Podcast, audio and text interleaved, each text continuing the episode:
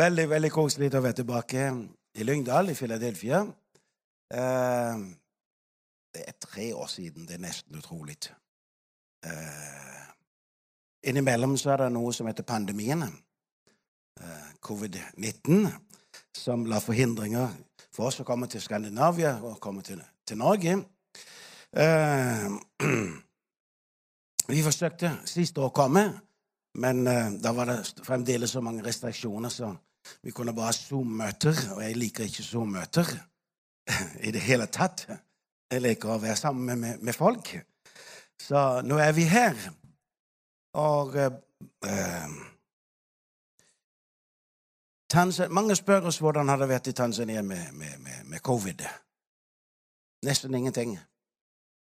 Nesten ingenting. Og når jeg ser det, så kikker folk på meg. Taler du sant? Hvorfor skulle jeg ljuge?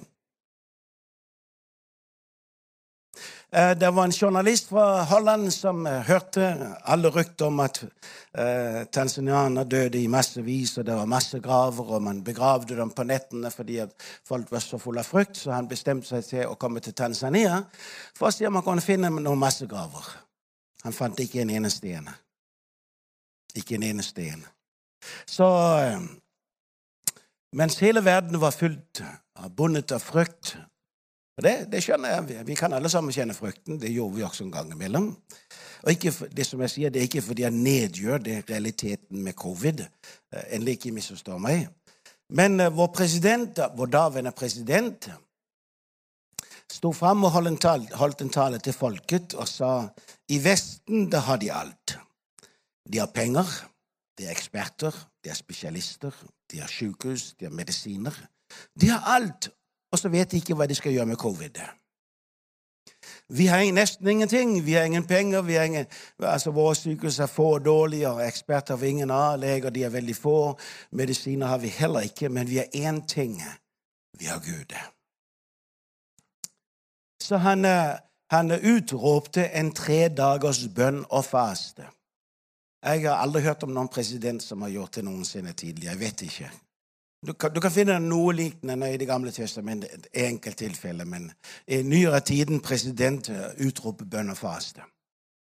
Eh, og, og, og, folk de bar, og ikke-kristne bar. Du vet, Når bare folk blir redde nok, så skal de nok be. Og det gjorde de virkelig. Muslimene bad, de kristne ba. Mange ba og faste mer enn tre dager iblant de kristne. Men når tre dager var gått, så kom presidenten tilbake og sa nå har Gud hørt våre bønner. Så nå skal vi fortsette med å leve vårt liv som om vi ikke har korona. Og så sa han de neste syv dagene det er takksigelsesdager, hvor vi skal takke Gud for han har gjort et under. Og nedstenging, nedlukning, er et ukjent begrep i Tanzania. Livet fortsetter. Ikke en kirke, ikke en gudstjeneste, ikke et møte har vært lukket ned på noe som tidspunkt. Ingen av våre møtekampanjer har vært stengt. Vi har fortsatt som alltid. Bortsett fra akkurat i begynnelsen, de første, første tre-fire månedene. Eh, man visste jo ingenting, man kjente ingenting. Så man stengte skolene. Så vår, vår skole, barneskole vokste stengt i fire måneder. Men etter det så åpnet man opp igjen. Og når vi har reist rundt og holdt vår møtekampanje, så spør jeg noen av pastene hvordan går det med korona. Så kikker de på meg. Hvor kommer du fra? Vår president blir jo mobbet eh, for hans trosinnstilling frimodighet. Og, og, og han blir mobbet av nabolandene. Og fakta er nabolandene de ble hardt rammet av covid. COVID. Nabolandene, som vi har grenser til. Nedlukning, nedstenging og masse problemer, også i menighetene og kirkene. De mobbet ham, men vi hadde full frihet. Vi har fire-fem leger i vår menighet i Arusha. Og jeg spurte dem løpende hvordan det, hvordan det, gikk med covid. Og så sa de covid ja, et enkelt tilfelle nå og da. Så i grunnen er det ikke noe som vi virkelig har merket til. Eneste land i hele verden. Fantastisk. Fantastisk. Så akkurat i begynnelsen eh, så våre barn som bor i Danmark, de sa til oss to, han og meg, dere må komme til Danmark. Vi hadde ikke lyst til å komme til Danmark. Hva skal vi gjøre i Danmark? Danmark er nedlukket. Men de maste på oss og maste på oss, og vi hadde ikke lyst til å dra til Danmark. Men de sa den internasjonale flytrafikk til Afrika den blir stengt, og hvis det hender det noe, så kan vi ikke komme og hjelpe dere. Og det er riktig, man, man nedlukket all internasjonal trafikk til Afrika. Det var ingen fly inn og ut av Tanzania. Så eh, til slutt så bestemte vi oss til å, å høre på våre barn. Det er ikke så ofte vi gidder å høre på dem, men Nei, nei det sa jeg ikke. Og jeg mente det i hvert fall ikke, altså. Men jeg hadde én betingelse til våre barn. Hvis vi kommer til Danmark, så skal de gi oss et hus å bo i og gi oss en bil å kjøre i. Og det gjorde de. De ga oss et hus å bo i, de ga oss en bil å kjøre i. Det er første gangen de har gjort hva pappaen sa. Er det ikke sant, det heller? Men det gjorde de. Eh, så vi, vi, var der i Danmark i små fire måneder, og vi kunne ingenting gjøre. Det var ingen som eh, kunne ha møter. Og, og, det huset vi bodde i, eh, vi kunne være opptil ti personer samlet. Og, og de, selvfølgelig kom ungene og besøkte oss, og barnebarna kom og besøkte oss. Um, så tenkte jeg nei, jeg må gjøre noe annet som er nyttig. Så jeg satte meg ned og skrev en bok. Og, og, og, jeg har skrevet andre bøker, undervisningsbøker. Og jeg har ikke så lett ved å sette meg ned og skrive. Jeg liker kommunikasjon med folk. Det er så mye lettere å undervise så mye lettere å preke når du ser folk i øynene og kan få litt reaksjoner. Eh, slik som jeg får her. Det er unike og annerledes enn som dem på Midtjyllandet.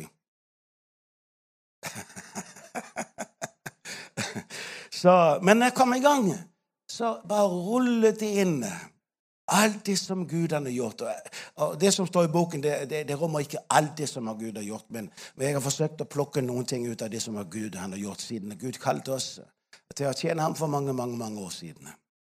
Og Jeg spurte også våre tre barn om de vil skrive ærlig, oppriktig, deres opplevelse av å være misjonærbarn. Og det gjorde de. Og Jeg forsøker en gang imellom å lese det, men jeg gir hurtig opp fordi jeg klarer ikke å lese det. Det er fordi jeg er far. Og det føler seg involvert. Og Det var det jeg ville. Jeg ville at de skulle være ærlige og skrive deres opplevelser, både positive og negative. Og det gjorde de frimodig, ærlig. Så boka den er spekket med, med masse kjempeopplevelser. Og, eh, og så Arild Edvardsen, som jo gikk hjem til Gud for snart mange år siden, som vi også jobbet med, og han kom til oss mange ganger i Tanzania han, Det er et stykke, lite stykke i boken han, Det er ikke fordi han har skrevet det til boka fordi han var i himmelen. Han sendte ikke en e-mail fra himmelen til meg. Men han skrev det for mange år siden i et annet sammenheng. Eh, en anbefaling av vår tjeneste. Og jeg syns det var så kjempebra å ta det med i boka. Pluss Einar Bonke, som var en av våre venner. Han eh, skrev også fra himmelen en e-mail. Det står i boka, pluss mange, mange andre. Så jeg vil anbefale deg å kjøpe den boken her i dag og i morgen her ute. Vanlig, vanlige pris er 249 men vi pratet med forlaget, og de ga oss lov til å selge den for 200. Eller 199,99.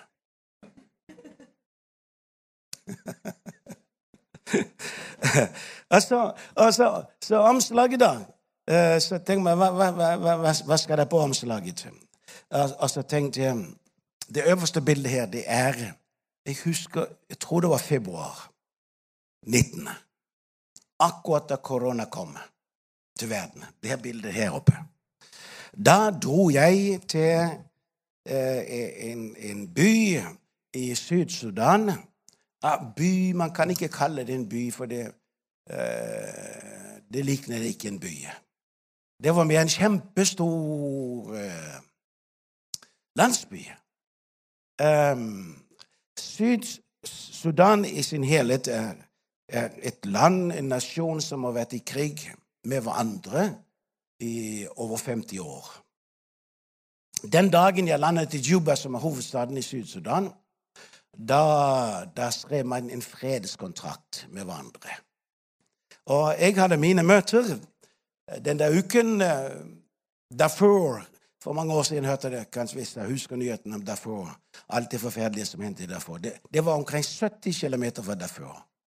Og det var, jeg prekte, hadde, Om formiddagen hadde jeg pastorskonferanse, om ettermiddagen hadde jeg møtekampanje, og det var 42 graders varme. Det var varmt. Og en åpen himmel. Og eh, omkring 45 000-50 000 mennesker samlet seg. Jeg tenkte det bildet det skal på forsiden av boka. Det sier ikke noe om at det var rett i begynnelsen av covid. Eh, var, vi hadde jo vist at det kom inn, men vi, vi skulle jo sjekkes her og der og feber og alt mulig. Og det var akkurat i begynnelsen. Alle var så redde. Men Gud gjorde så mange undre under den møtekampanjen.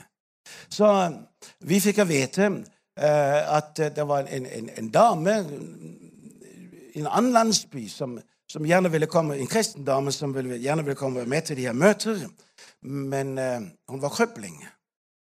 Og han hadde ingen penger, så han kunne ikke kjøpe noen billett så hun kunne komme. Men så en dag så, så, så, så fikk hun det slik for, for seg hun, hun, visste for når predikanten skulle preke, hun, altså meg. Hun visste sånn cirka hva tid predikanten kalte form, frem til forbund.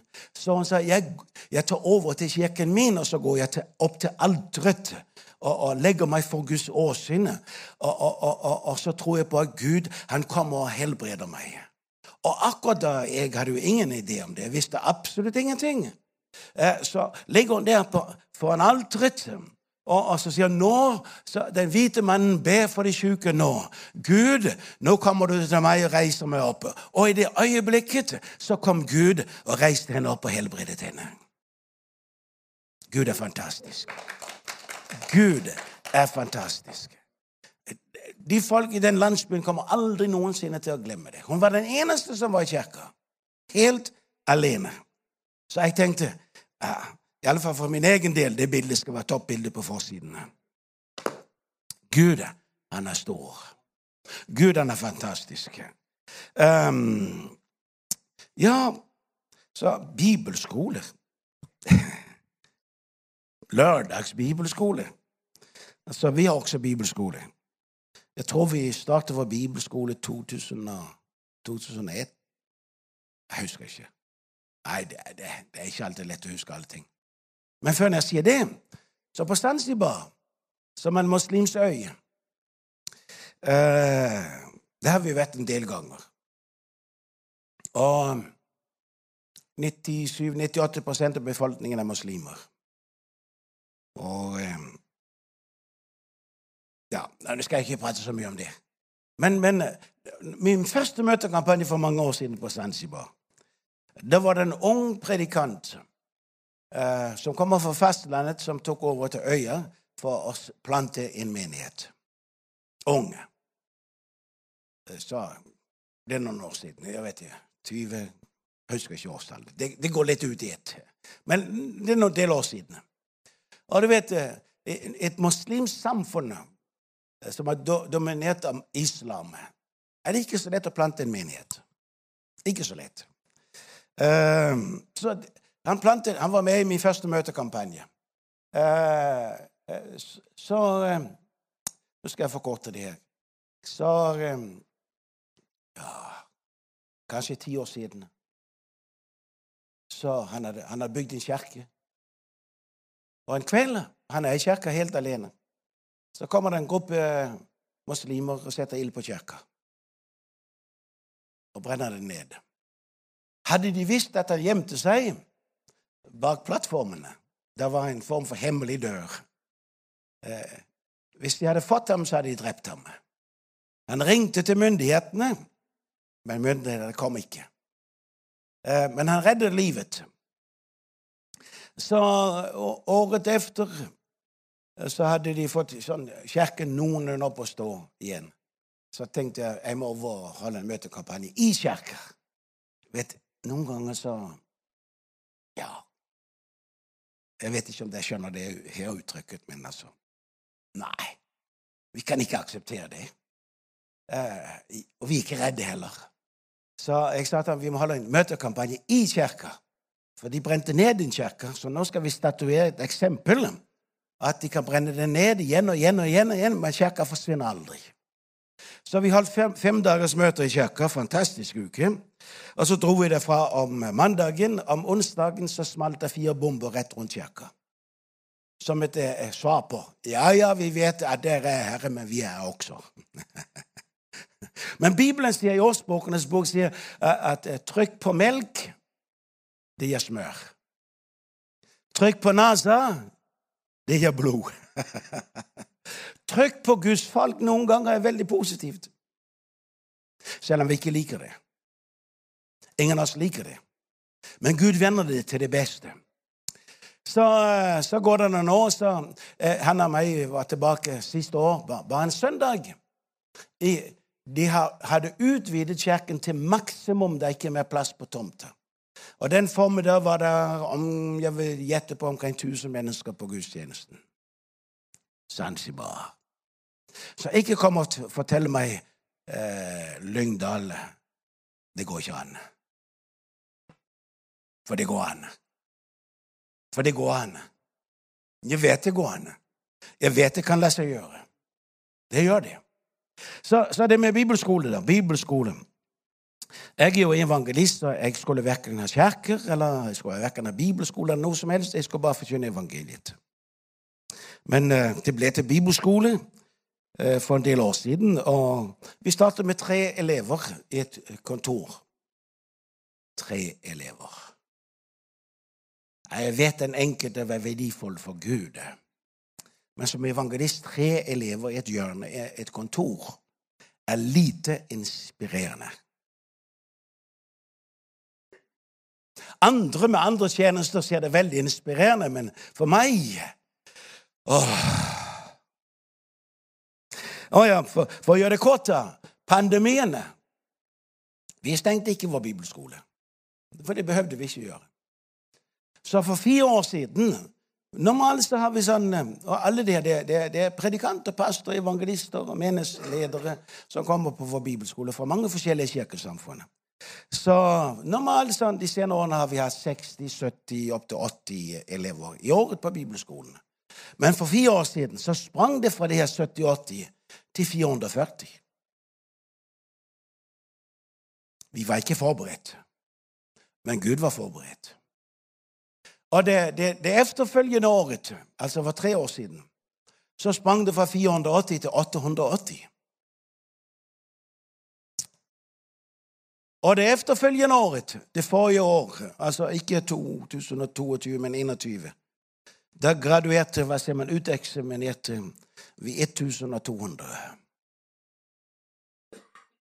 Og siste år, første uka i desember, da uteksaminerte vi 936. Og vår bibelskole har forandret seg. Um, du vet, jeg er pin... Det er en pinsemenighet, er det ikke det? Ok, da, da kan jeg si det. Jeg, jeg er pinsevenn. jeg er født pinsevenn. Jeg er født pinse. Altså, Mine foreldre var trofaste pinsevenner. Og uh, faktisk uh, pinsemenigheten hvor jeg kommer fra, startet mine besteforeldres hjemme. Så jeg har fått det inn med morsmelken. Uh, så når jeg Det er sikkert feil opplevelse, men jeg tror det er noe, noe sant i det. Du vet, Som barn og teenager så opplever man tingene annerledes når man er født inn i det på den måten. At den jeg opplevde det som alle andre utenfor pinsemenigheter tenkte at pinsevenner de var dumme. De var fattige. De var ulærde. Og alt det der, ikke sant? Så Uh, her i desember, søndag den, hva var søndag, først? søndag i desember, var den fjerde eller femte? kan jeg ikke huske. Hvor det selve dagen hvor vi er over. altså Vi har en hel uke sammen med alle bibelskoleelevene. Uh, og, og så, har vi selve utdagen, hvor det er festdagen, hvor du utdeler diplomer, degrees osv. osv. osv. Og for første gangen så var det ti av de her pastor og predikanter som hadde lest og bestått til en doktorgrad. ph.d. PXD. Ja, Der står jeg og deler det ut. Pinsegutten fra Bornholm som er dum og grim og alt det der. Ja! Ja! Ja! Vi kan! Vi kan! Vi kan! Ah, nå, nå, nå er det noen som Nå må du ydmyke deg litt. Nei! Ikke tale om, altså! For jeg tror vi skal være stolt over det Gud han kan med oss og gjennom oss. Det er ikke det vi har modige, men Gud kan. Så, så, så vår bibelskole har forandret seg fra, for, Vi underviser selvfølgelig i Guds ord, det er det viktigste. Og i teologi, men vi underviser også i samfunnsoppbygging som kristne. Hvordan bygger du et samfunn? Det er derfor at man kan, man kan gå flere år og lese helt fram til doktorgraden. Og det som er så fantastisk, Sist år på vår bibelskole hjemme, altså Vi har 40 out-campuses. Vi har bibelskolen i Arusha, men så har vi 40 out-campuses i Tanzania. Rundt forbi landet. Har team av lærere, 20-25 lærere, som fra januar til januar, eller januar til desember, som reiser rundt og underviser. Og, og, og, og Sist år så politisjefen i vår by Arusha han gikk på vår bibelskole. Hvordan vet du det? Ja, Vanligvis du vet, så, så liker de ikke å vise hvem de er. Eh, veldig forsiktige. Men en dag så kom han for sent. Han nådde aldri skifte uniformen ut. så var han jo avsløret. Siste år hadde vi 50 høystående myndighetspersoner som fullførte bibelskolen. Eh, en av dem er en dame som kommer fra det hemmelige politiet. De er kristne. De er kristne. Men noen av dem er sendt av myndighetene. De er kristne. De er sendt for å spionere på oss. For de kan ikke skjønne hvordan vi kan ha slik en innflytelse på samfunnet. Så de lurer på om den hvite mannen har noe sånn annet de kan ta ham på. Men det kan de ikke. Det kan de ikke. Så, så noen av dem, det vet vi, de, de er spioner, kristne. Og de rapporterte myndighetene. Faktisk hele vårt undervisningsmateriale for tre år siden endte opp på undervisningsministeriens, undervisningsministerens kontor til gjennomgang og fikk blå stempel. Vi er ikke dumme. Vi er ikke fattige. Vi er ikke håpløse. Vi er ikke i bunnen av samfunnet. Jesus han sa dere skal være lys og salt i verden. Og det vil vi gjøre. Det har vi bestemt oss til at det vil vi være. Og um, den der søndagen i desember um, Noen av dem avslører seg selv. Egentlig må de ikke gjøre det, men, men um, etter at vi hadde, hadde delt ut alt det her degrees og, og, og, og det var tatt gruppebilder og det, det tok syv, var det syv timer den dagen. Non-stop. I Norge har man korte møter. Men vi, det var syv timer uten pause og ingen kaffe.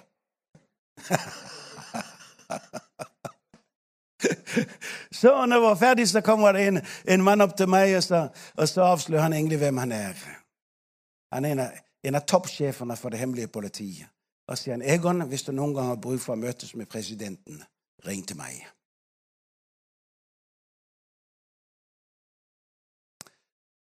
Og en annen dame innenfor det hemmelige politiet hun forsvant for undervisningen. En ukes tid så kom hun tilbake igjen. og uh, Man kan ikke bare sånn forsvinne. Du, du, må, du må, pent altså, du må, uh, ja, man, Disiplin hos oss er annerledes enn disiplin i Norge. La meg si det på den måten. Så når han kom tilbake, så var medarbeider som har ansvar for bibelskolen, gikk ut til henne. Hva du vet, hvorfor har du gjort det? Hva, og så videre, så videre. Hvorfor har du ikke meddelt det? Så Hun ikke, kunne ikke fortelle dem, så hun kommer til oss og sier jeg, jeg må beklage, men, men, men, men altså men det, det, er hemmelig. Fordi jeg tilhører det hemmelige politiet. Og når jeg får beskjed på at jeg skal gjøre noe for presidenten, så skal jeg gjøre det. Men jeg kan ikke annonsere det så, så eh, hun er den første som reiser i forveien for presidenten og organiserer alle sikkerhetsforanstaltninger. Så når hun har gjort det, så er hennes oppgave løst, og så kommer hun tilbake. Og det kan være over hele verden. Hun sitter på min bibelskole.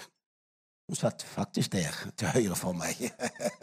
Kristen, gjenfødt, åndsfullt. Når jeg vokste opp eh, Nå skal jeg se om jeg kan huske det riktig, fordi at uh, vi, vi, vi, sang sånn, vi, sang en sang Nå må jeg ta De kan bare ta hele verden, men gi meg Jesus. Husker dere den? Ikke syng den.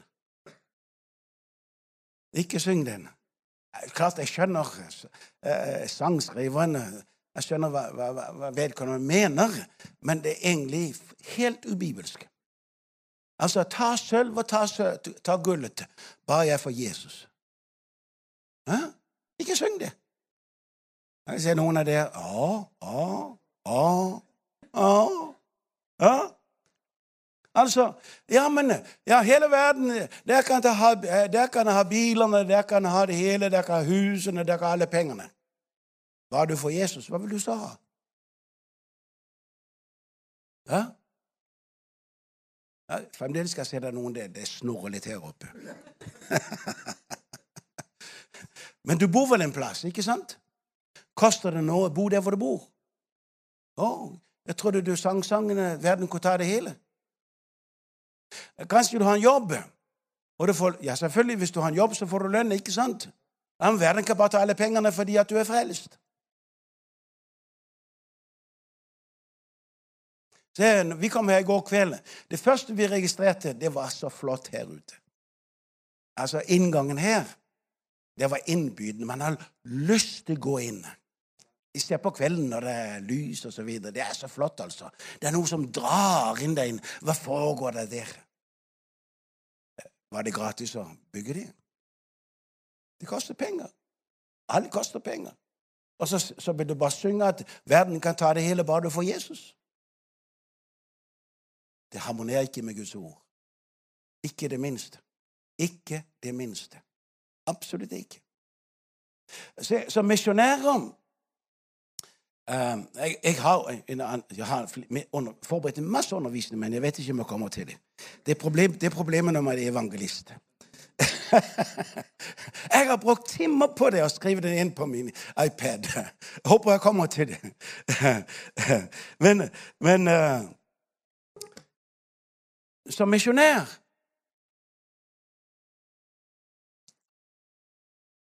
så er det noen men ikke her, selvfølgelig. Ikke her i Philadelphia. Men.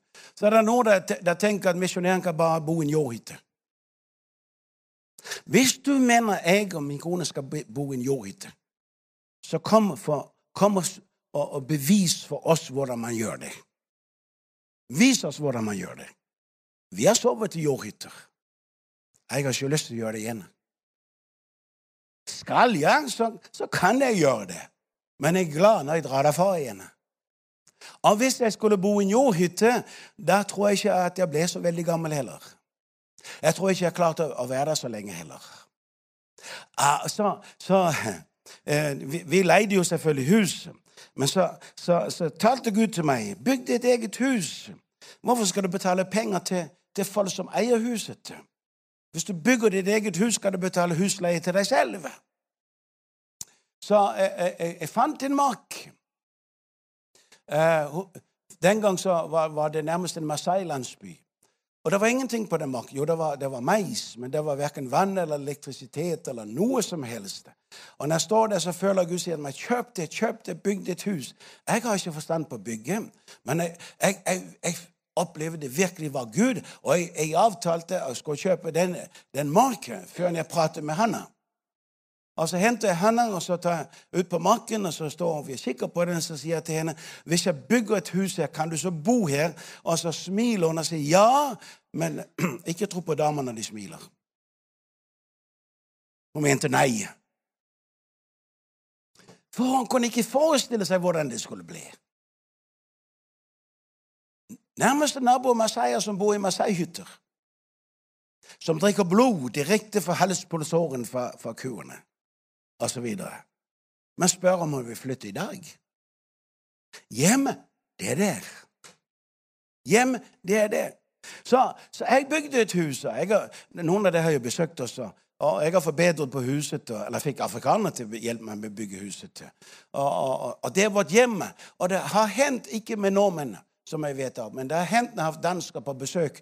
Å, videokamera skal fremme. De skal filme alt i mitt hus. Men hvis jeg kommer og besøkte dem og filmer alt i deres hus, til og med soverommet og baderommet, så tror jeg de slengte meg ut. Tenk, misjonæren bor så godt.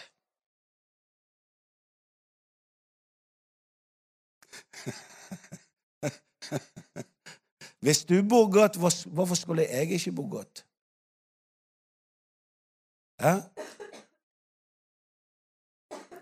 Helt ærlig, for nå føler jeg meg hjemme, altså. Fordi jeg fikk beskjed på å gjøre som jeg ville. Jeg burde faktisk bo bedre enn du.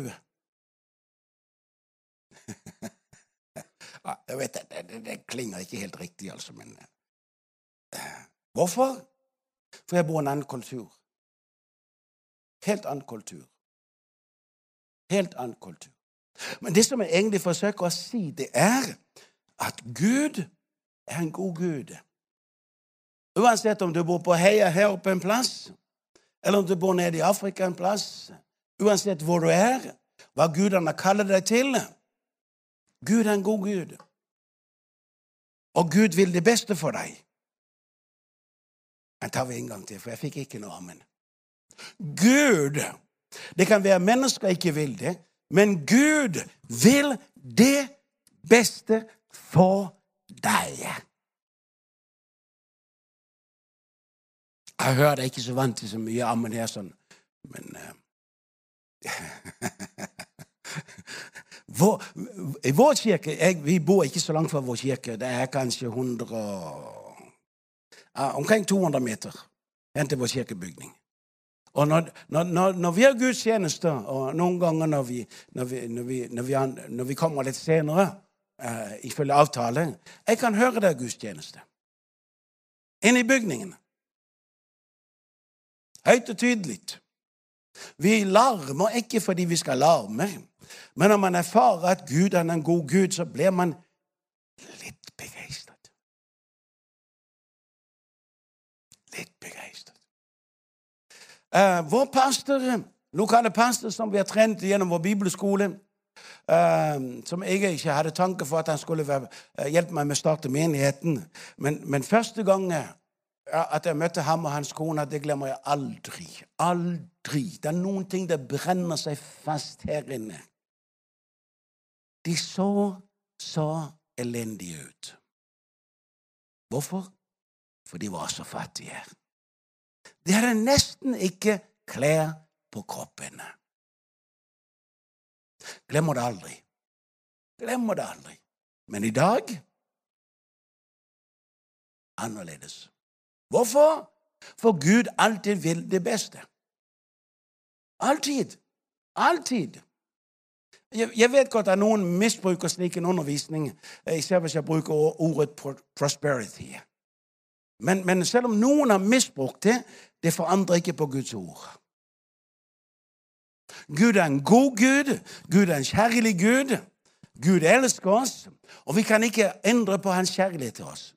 Du kan stå på hodet, du kan gå på tungen hvis du kan. Det endrer ikke på Guds kjærlighet til deg.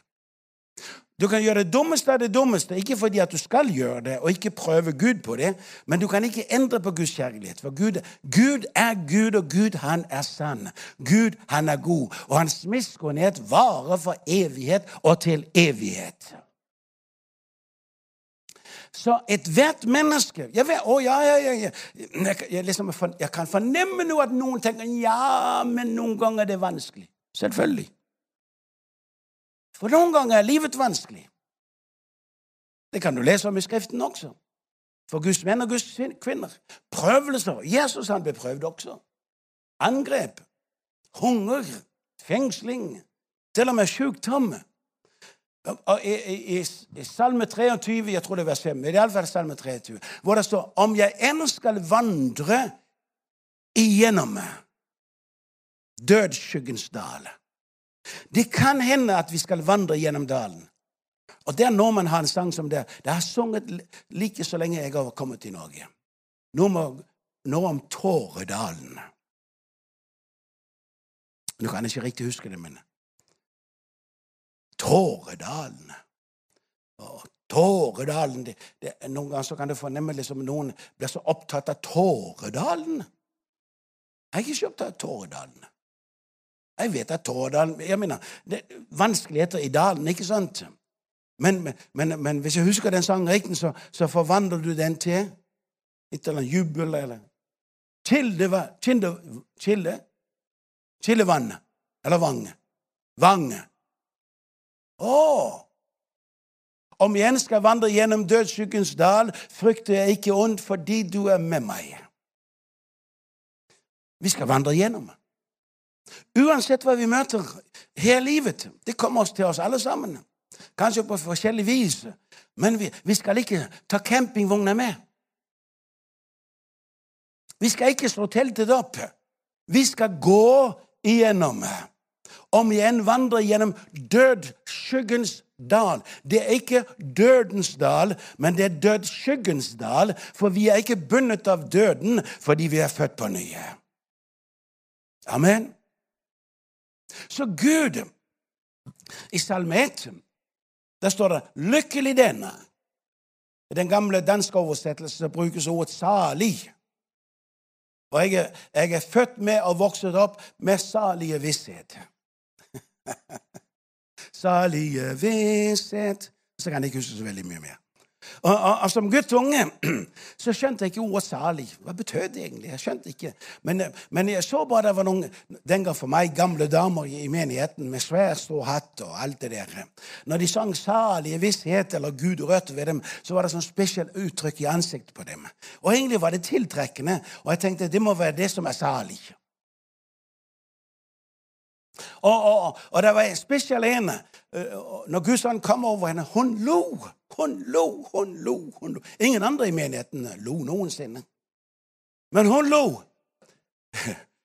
Alle andre så kjedelige og triste ut. Nå er det bare observansen som en teenager. ikke sant? Men hun lo. Jeg skjønte ikke hvorfor hun lo. Men det var fantastisk å le. Hun alltid begynte å prise Gud og endte med å le. Le. Le. Hun var salig. Så en dag så bestemte jeg meg til jeg skulle finne ut av hva betydde ordet salig og fant ut at det betydde ganske enkelt lykkelig. Lykkelig den som ikke og det er som det som Bibelen, vil det står man skal ikke gjøre det og det og det. det, det, Ikke sant? Og hvis man ikke gjør det, det men man følger Herren, så alt står der i det tredje verset, tror jeg det er, siste setningen. Alt det han gjør, skal lykkes for ham.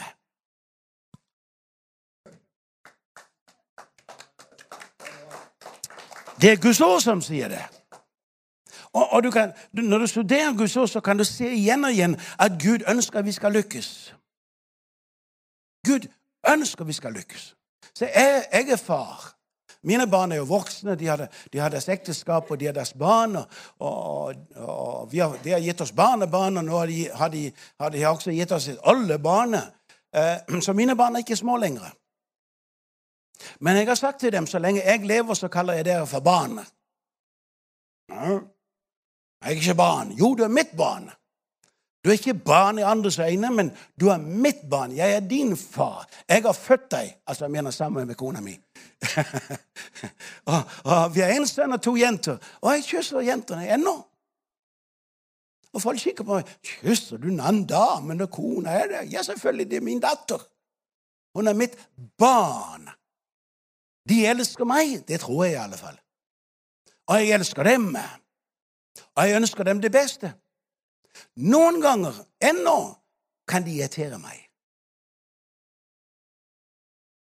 Ja, det kjenner dere ingenting til, det som er barn. Ja, Noen ganger kan du bli, til og med bli vred på dem. Men selv om du blir vred på dem, så er det fremdeles dine barn.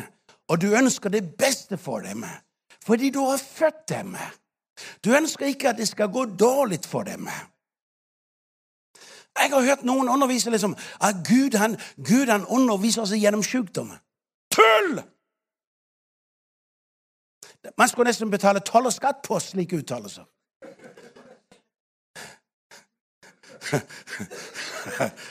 For så kan det være at man holdt opp med slike dumme ting. For det stemmer ikke. Jo, jo, jeg vet at man kan, man, Gud, kan, man kan, Gud kan undervise oss under hvilken som helst situasjon. Men Gud bruker ikke kreft til å undervise oss med. Han gjør ikke det. I, i, i 21 så ble jeg plutselig syk i, i USA. Jeg ønsket ikke å være syk. Jeg sto faktisk imot. Men jeg klarte det ikke. Jeg, jeg, var, jeg, var, så tett på å dø som, som man faktisk kan komme. Og det tror jeg hadde vært trist for kona mi. Men egentlig fantastisk for meg. Komme til himmelen. Ikke sant? Ikke sant? Eh?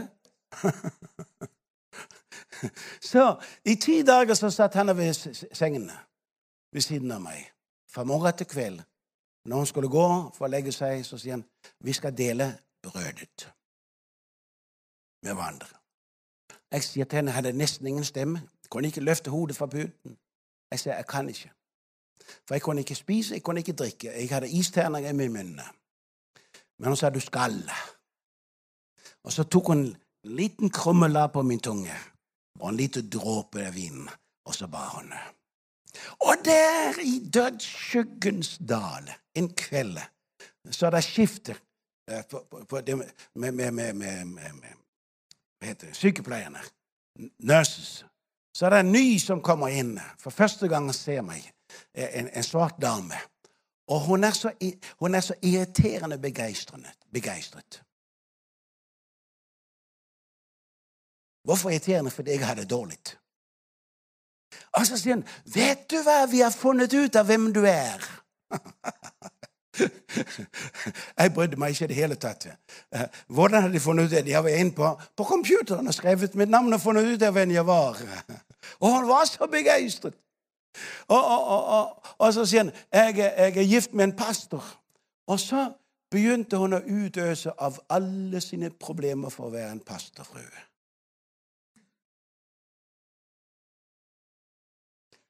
Åh, jeg tenkte Kjeften på deg, kjerringa. Det kan man kunne si her omkring Kvinesdal. Men tenk til slutt Du er her for å betjene meg og hjelpe meg, og så lesser du byrde over på meg. Og han lesset av og lesset av og lesset av.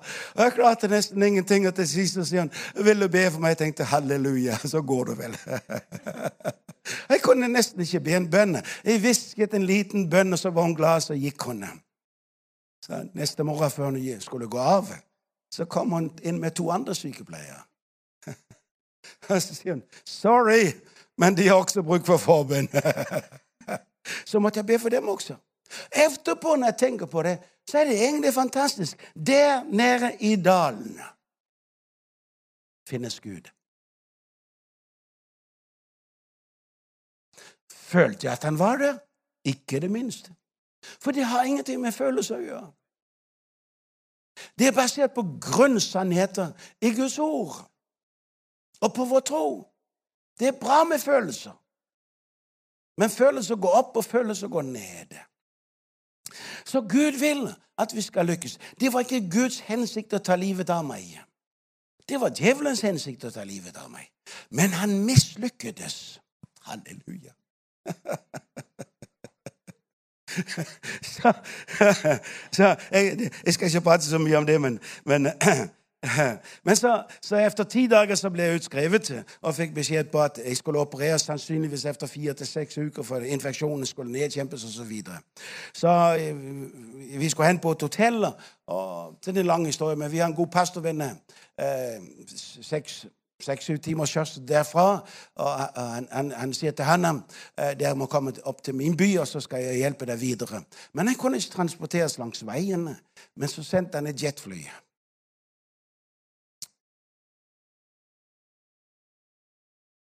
Privatjet. Jeg sitter i det flyet og lener meg over, over til og så er det en som har tatt bilde av oss. og Det bildet får jeg, så setter jeg så dum som jeg er, eller nei, dum, dristig, eller jeg vet ikke hvordan, så setter jeg det på min Facebook. Og straks var det en, ikke i Norge, en som skriver dansk. Har du nå fått en privat jet?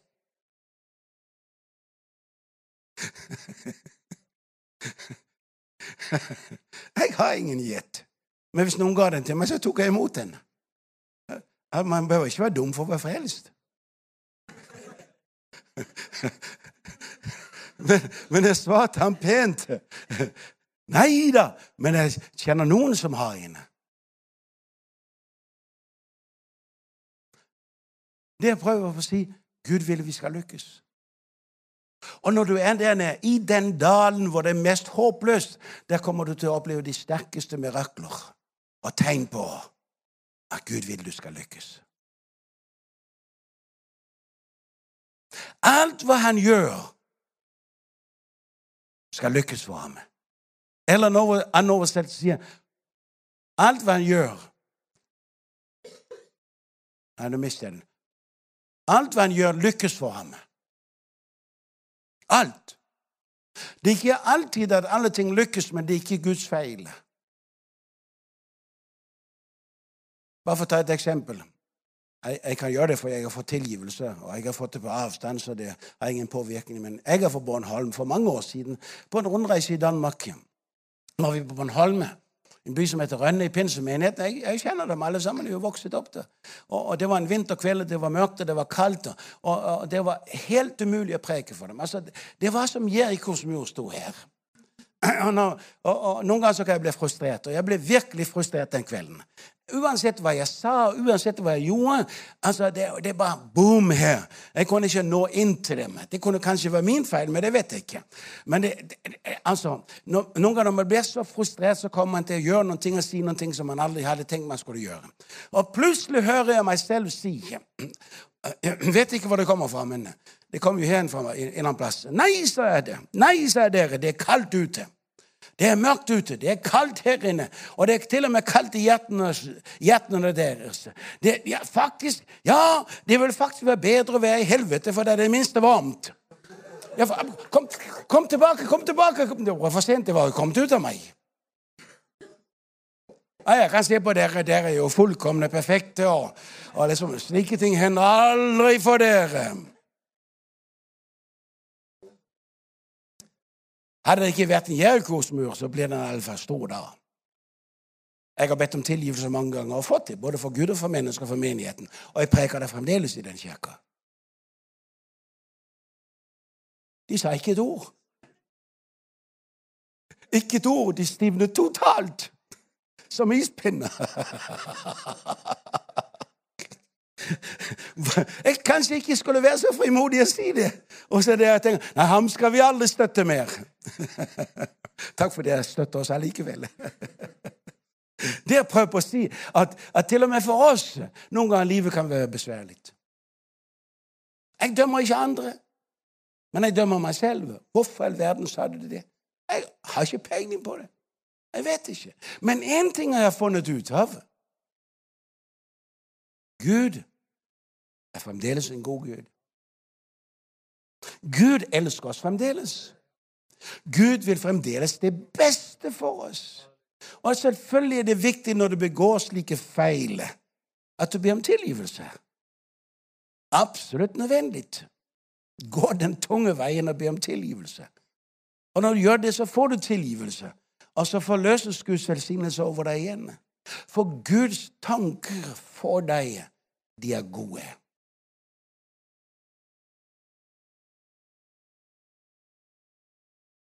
Gud, han er god. Og Hvis han ikke var det, så hadde jeg vært drept mange ganger. Ja, er dere perfekte? Er dere fullkomne? Det er nå mannen skal se på konen, og konen skal se på mannen. Det er derfor Bibelen sier vi skal, vi, vi, vi skal arbeide, står den danske oversettelsen, på vår høyhellige tro. Det er ikke fordi vi skal streve, men, men, men, Gud gjør ikke alt. Det er også vår del som vi skal gjøre. Lykkelig den som ikke sitter sammen med de ugudelige, osv. osv. Det er noe som vi kan gjøre. Og når vi gjør det vi kan, så bygger vi en plattform for Gud, og Gud kommer og gjør resten. For Gud er en god Gud. Gud vil det beste for oss. Og, og, og, og det er i alle fall fem sannheter ja, du vet når uh, Våre undervisningstimer i Afrika de er lange. I alle fall mer enn fem sannheter. Men hvis du går til Jeremias bok kapittel 29 vers 11 Jeremias bok kapittel 29 vers 11, så står det Og det er Gud som sier det. Jeg vet. Jeg vet. Alle oss vet noe. Hadde vært en kristen i mange år, så, så vet du kanskje mer enn den som har vært kristen i min, mindre tid. Kanskje. Håpfull. Skulle i alle fall. Men noen ganger er det ting som vi ikke vet. Jeg vet ikke alt. Vet du alt? Stykkevis erkjenner vi, sier Guds ord. Stykkevis erfarer vi. Alt eftersom vi vandrer med Herren, alt eftersom vi vokser i Herren. Stykkevis. Vi vet ikke alt. På ingen måte. Men Gud sier 'jeg vet'. Noen ganger så, når jeg prater med Gud For mitt bønneliv er ikke bare 'Gud gjør det og Gud gjør det', men mitt bønneliv er jeg prater med Gud. Jeg ber også. Men, men, jeg prater med Gud, og det er også en form for bønn. Og Noen ganger sier til Gud 'Jeg skjønner det ikke'. Du, du, du, du, opplever noen ting, eller du har en, en, en åndelig følelse eller en, en uh, veiledning i, ditt, i, din ånd og ditt hjerte at Gud drar deg den vei, at Gud kanskje vil at du skal gjøre det og det. Uh, men jeg sier noen ganger jeg skjønner ikke Gud, hvordan skal det gå til. For eksempel, Jeg har sagt i alle år i mitt styre i Tanzania eh, De innfødte ville at vi skulle plante menigheter. Jeg har blokkert det hver gang. for Jeg sa, jeg jobber på tvers av alle kirkesamfunn og holder mine møtekampanjer. Hvordan kan vi da plante menigheter? Så jeg har stått imot. Så, men så plantet vi vår egen menighet, for vi hadde behov for å ha vår egen menighet fordi vi har så mange medarbeidere. Og, og, og, eh, så når jeg er blitt så ung, så har jeg begynt å gi det over til de innfødte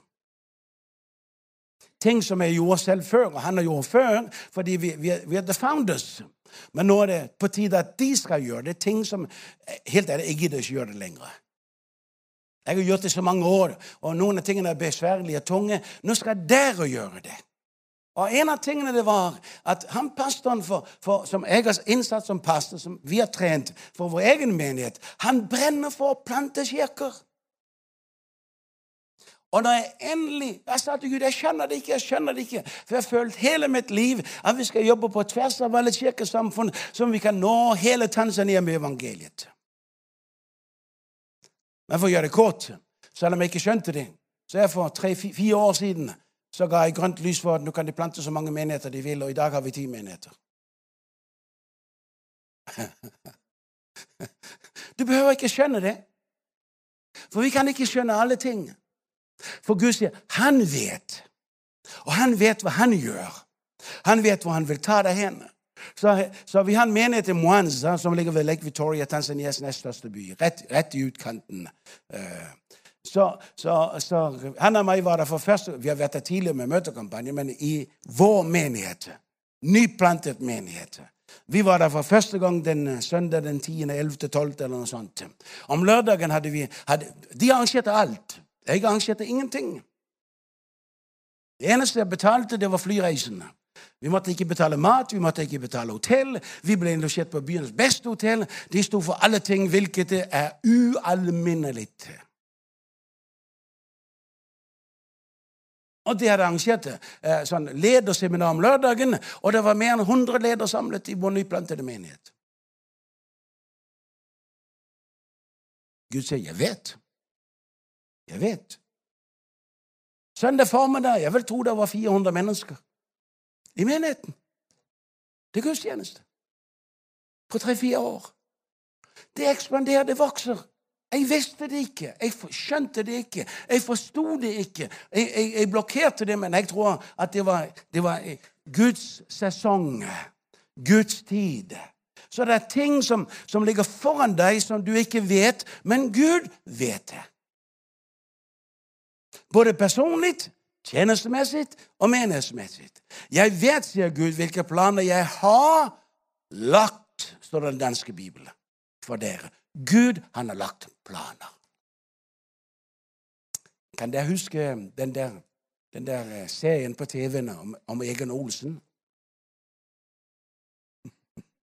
I den perioden jeg hatet å komme til Danmark. For jeg ble mobbet som Egon Olsen.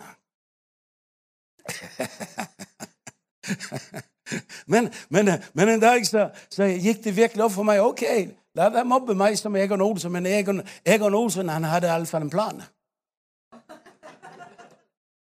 Vennene hans hadde ingen planer. Og når Egon Olsen ble tatt og ble satt i fengsel, så sto, så sto kameratene utenfor og ventet på Egon Olsen, for de hadde ingen planer. Men de visste når Egon kommer ut, så hadde han en plan. Og Jeg tror på det er viktig at vi har en plan, men at det er i overensstemmelse med Guds plan. Og Gud sier 'Jeg vet'. Noen ganger er vi usikre, og det er ok så lenge vi bare søker Gud. Om vi går litt feil, så, så, så lar vi oss korrigere, så vi, vi kommer på rett vei. Gud han har en plan med deg. Med hver eneste kristen har Gud lagt en plan. Han har lagt den for, for, for, lang, lang, lang lang tid siden. Han har lagt en plan for oss. Jeg vet hvilke planer jeg har lagt for dere, sier Herren. Det er rett før jeg prekt varm. Så spørsmålet er hva, hva slags planer har Gud lagt for deg?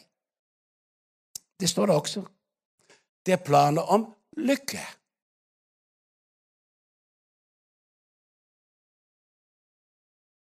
Vil Gud at du skal være lykkelig? Det står gleden, gleden i Herren er deres styrke. Alle opplever vi på forskjellige nivå gleder og lykke. Ikke sant? Nå, gjør vi ikke det? Ok, skal jeg hjelpe deg litt. Her for noen få, Det var før, før pandemien. Vi har drevet bibelskolene, og vi startet kontoret, og vi utvidet kontoret, og vi flyttet det inn i kirka og på balkongen. Og det kolliderte med menigheten. Så kjøpte vi et stykke jord, og så skal vi begynne å bygge en bygning for bibelskolene. Og så opphørte pengene. Kom ikke langt. Og uansett hva vi ba, vi fastet, ingen penger kom til å bygge bibelskolebygningen. Jeg var frustrert. Jeg sa til og med til Gud jeg skjønner meg ikke på deg. Jesus han sa gå ut i all verden og forkynne evangeliet for alle skapningene osv. Forkynne evangeliet og undervise Guds ord. Her underviser vi eh, dine tjenere i dette landet. Og så kan du ikke engang sende oss noen penger til å bygge denne bygningen. Jeg er noen ganger dumdristig overfor Gud, men har ikke slått meg i hjel ennå. Hvorfor? Fordi han er en god Gud. Og jeg har funnet ut at Gud han elsker å bli utfordret på hans ord. Og bli trodd. OK, vi stoppet. Og så var vi i USA til en misjonskonferanse som vi ofte er, i Tulsa, Oklahoma. Jeg prekte om søndagen, mandag kveld. Så, så var en av våre venner en pastor som prekte. Fantastisk god forkynner, fantastisk underviser. Men den kvelden var han annerledes. Det registrerte jeg, for jeg kjenner ham så veldig bra. Og plutselig så la han alle sine notater til side. Så jeg har forberedt meg, jeg følte jeg skulle undervise om det, men jeg kan ikke gjøre det. Så begynte han bare å, å, å gi sitt vitnesbyrd, hva, hva mange pastorer aldri gjør. Hvor han kommer fra. De var ikke kristne, de var drankere, de var håpløse mennesker. Hvordan han ble frelst, og hvordan Gud kalte ham og også til å plante menigheten osv. Og, så videre, og, så og så sier han inntil en dag uh, I met a crazy Dane. Jeg tenkte det må være kona mi, for det var bare to dansker. Jeg er jo fra Bornholm. og så fortalte han hvordan Gud førte oss sammen. For Gud sier han har en plan. En plan. En plan. Så vi kom til USA for mange mange år siden. Det er connection med, med, med, med med pastorer, med venner. Og en av pastorene pratet om denne pastoren sa, oppe i, i, i staten Louisiana, i, i Shreveport Den pastoren en dag skal jeg introdusere deg, for han er veldig mission-minded. Men år etter år så gjorde han ingenting. En dag sier Frank du bare taler om pastor Sam Carr, men du gjør aldri noe. Neste gang så hadde vi et lørdagsmøte i hans menighet. Lørdag kveld. Den gang hadde jeg møte om lørdagen. 200-300 mennesker. Den kvelden ble Don Smith helbredet. Don var veterinær. Han hadde hatt en skade i sin rygg. Han hadde innoperert sånn eh, søm og bolter og plater. og så Ryggen var totalt stiv. Han kunne, når han sto opp, så kunne han ikke se sine føtter. Og Det verste var hans smerter. Han var så full av smerter så han hadde morfinpumpe på kroppen. Som pumpet morfin inn i hans kropp, maksimum. Og allikevel han det så vondt. Hele menigheten bar for ham og visste om ham. Og så kommer vi og er, kjenner ingenting, vet ingenting, alle vet det, alle møtt noen. Og, og, og, når vi ber, så står han der borte. Så går jeg hen til ham, og jeg kan ikke huske om jeg rørte ham eller ikke rørte ham, men han gikk ned i gulvet med bang! Alle Du tok livet av ham. De visste jo hvordan han hadde det. Og jeg var litt sjokkert selv. Og jeg kikket på ham. Der lå han. Våknet ikke. Registrerte han trakk været. Og det var slik et møte vårt. det var, Guds nerve var så sterk så det var ingen avslutning på møtet. Folk begynte langsomt å gå. Til sist så kommer pastoren og sier Egon og Hanne, nå må vi også gå. Det var lørdag kveld. Søndag morgen tidlig så satt vi på flyet tilbake til New Orleans. Der kommer Don Smith inn i kirka. Han lå på gulvet i mer enn en time. Han var den eneste der var tilbake sammen med vaktmesteren. Våkne opp. Kjenner det er ingen smerter. Alt er godt. Og kjenner han kan bevege seg. Og Søndag formiddag kommer kirken og springer over og får demonstrere over alle benker rundt i hele kirkebygningen. Den følgende uke går han til sin lege og sier jeg er blitt helbredet. Legen skjønner ingenting, men tester meg. Han kan jo se at han feiler ikke noe. Så sier han du må skrive meg et brev som jeg kan gå over til forsikringsselskapet med, fordi han hadde en forsikring som, som utbetalte penger til ham hver eneste måned, for han kunne ikke jobbe. Han sier jeg vil tilbake, og jeg vil jobbe som jeg har et brev som dokumenterer ble helbredet. Og Så sier legen til ham jeg kan se du helbreder meg, jeg kan ikke skrive slik et brev, for slike som du kan ikke bli helbredet.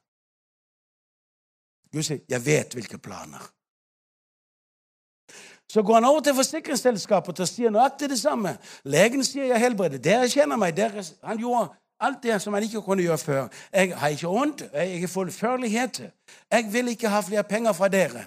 Og det er egentlig merkelig, for forsikringsselskaper vil helst kun ha penger, og ikke utbetale penger.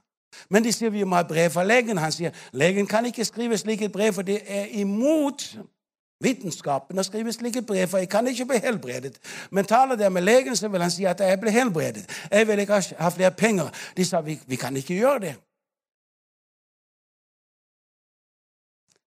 Så de utbetaler penger. Lucky guy. Men han må ikke jobbe. Så Gud sier, 'Jeg vet'. Plutselig så plantet Gud oss i det fellesskapet. Den dør, den ble åpen. Og den mandag kveld han underviste, og så inntil han møtte Crazy Dane, så sier han jeg vet de har påbegynt en bygning. De er, de er bare så vidt påbegynt, og de, de er strandet til ikke noen penger. De behøver minst 280 000 dollars. Men jeg føler her i kveld at jeg skal skrive en sjekk her og nå på 100 000 dollars.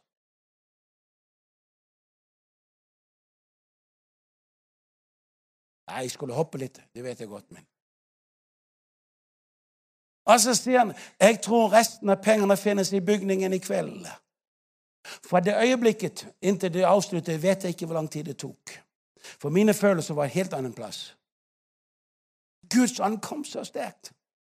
Noen lå på gulvet og gråt, andre sprang omkring og jublet og danset. Og folk de kom og la deres penger, de skrev deres kjeks. Og når det endelig var opptalt, så var det 305 000 amerikanske dollars. Det er ingen offertale. Men jeg er misjonær. Gud leder oss, Gud leder deg, også innom trosprosjekter. Noen ganger så går det i stå, men Gud vet fremdeles hvilke planer han har lagt. Og Gud vil, vil, vil også at i slike situasjoner hvor det er vanskelig, at du skal være lykkelig. For du er lykkelig i ham. Du er ikke lykkelig i dine omstendigheter, men du er lykkelig i Herren. Din glede er ikke avhengig av dine omstendigheter, men din glede er i Herren. Og den glede er vår styrke. Jeg vet jeg preker mer enn jeg underviser. Du vet, Noen, noen bibellærere Å, de er så kjedelige. Nei, nei, nei. nei, nei. Jeg sa det ikke. Men, men noen, noen, noen, av dem de graver seg ned i ordet. Det skal vi også gjøre. Ikke misforstå meg. Men jeg lurer på når de graver seg ut igjen. Og vi skulle hatt en pause, men nå er det syv minutter til vi skal ha en pause.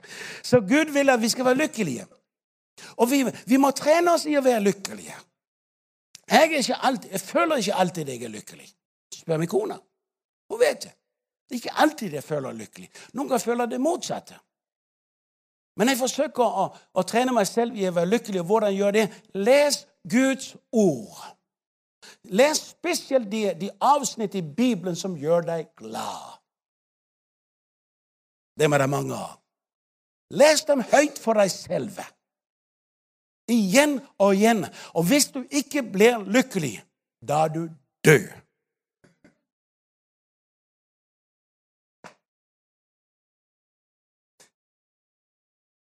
Man, å, jeg vet Man kan bli trøtt, man kan bli sliten, man kan ha situasjoner. Jeg vet, jeg vet det. Jeg er ikke annerledes som du er. En gang også på møtekampanje, møtesreise i USA. Jeg hadde prekt og prekt og prekt og prekt. Og prekt. Og, og dere som ikke er predikanter, det høre det. Jeg kan si det til dere. Man kan bli så sliten og så trøtt av å preke og be for mennesker. Fysisk også, men også psykisk. Fordi det åndelige og det psykiske ligger så tett på hverandre.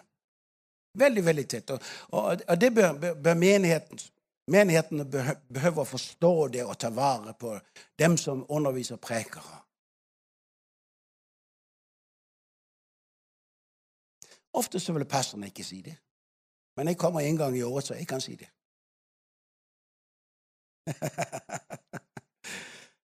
De to ting ligger så tett på hverandre.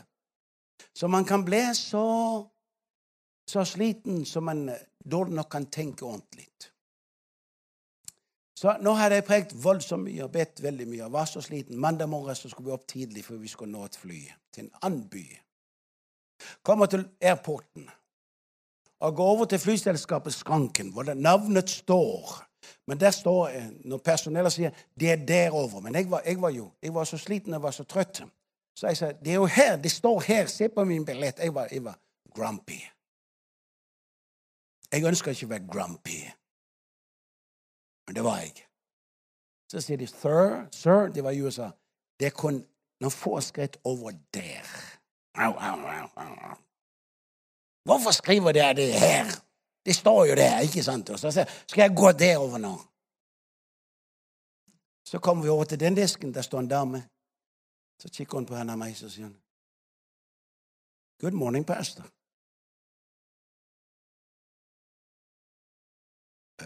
Kjenner du meg? Å ja, du prekte min kirke i går.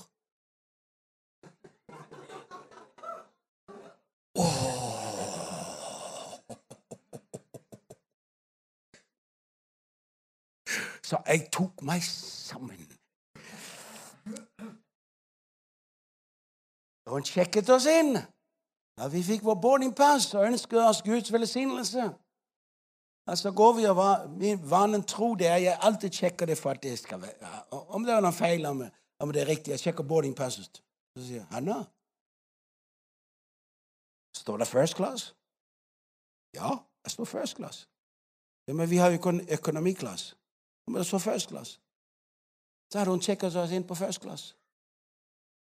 Jeg vendte om, og jeg var så glad. God bless you, ma'am! Jeg tenkte ikke på alle mennesker som var der. Hun bare vinket og smilte. 'God bless you, God bless you, God bless you!' Da var jeg glad. Til og med når du ikke føler, føler deg glad, så vet Gud hvilke planer han har for deg. I enkelheter, i detaljer. Han ønsker at du skal være lykkelig. Og jeg tror på at vi kristne vi skal trenes i å være observante på at Gud hver eneste dag ønsker å gjøre noe godt for oss. Det tar vi en gang til. For det, det, det, det, er så enkelt og naturlig å bli sånne vanemennesker. Men hver dag du står oppe, at du er observant på at Gud kanskje kommer og gjør noe godt for deg.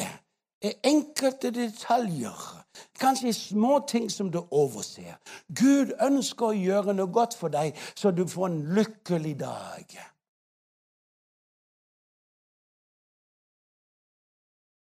Ikke om ulykke. Jeg har tre minutter hvis den klokka går riktig.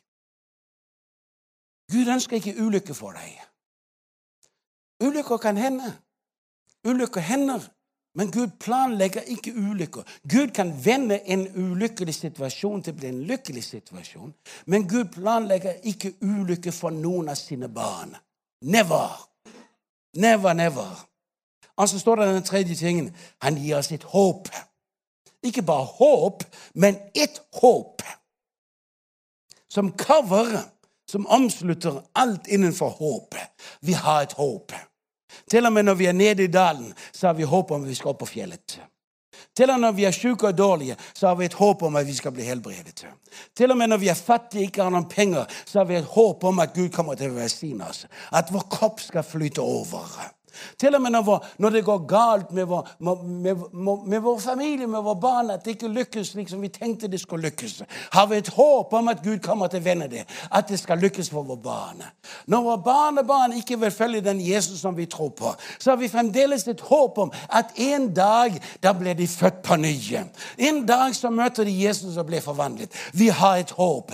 Eller hvis vi har brødre eller søstre Jeg har en bror og en søster. Vi har et håp om. Jeg har en håpsoverbevisning om at før en dag kommer hvor de skal dø, da er født på ny, de er frelst, de er innskrevet i Lammets bok. Jeg har et håp. Uansett hvor dypt mørke jeg møter, så har jeg håp om et fantastisk lys skal bryte igjennom meg. For Gud vet hvilke tanker, hvilke planer han har lagt for dere.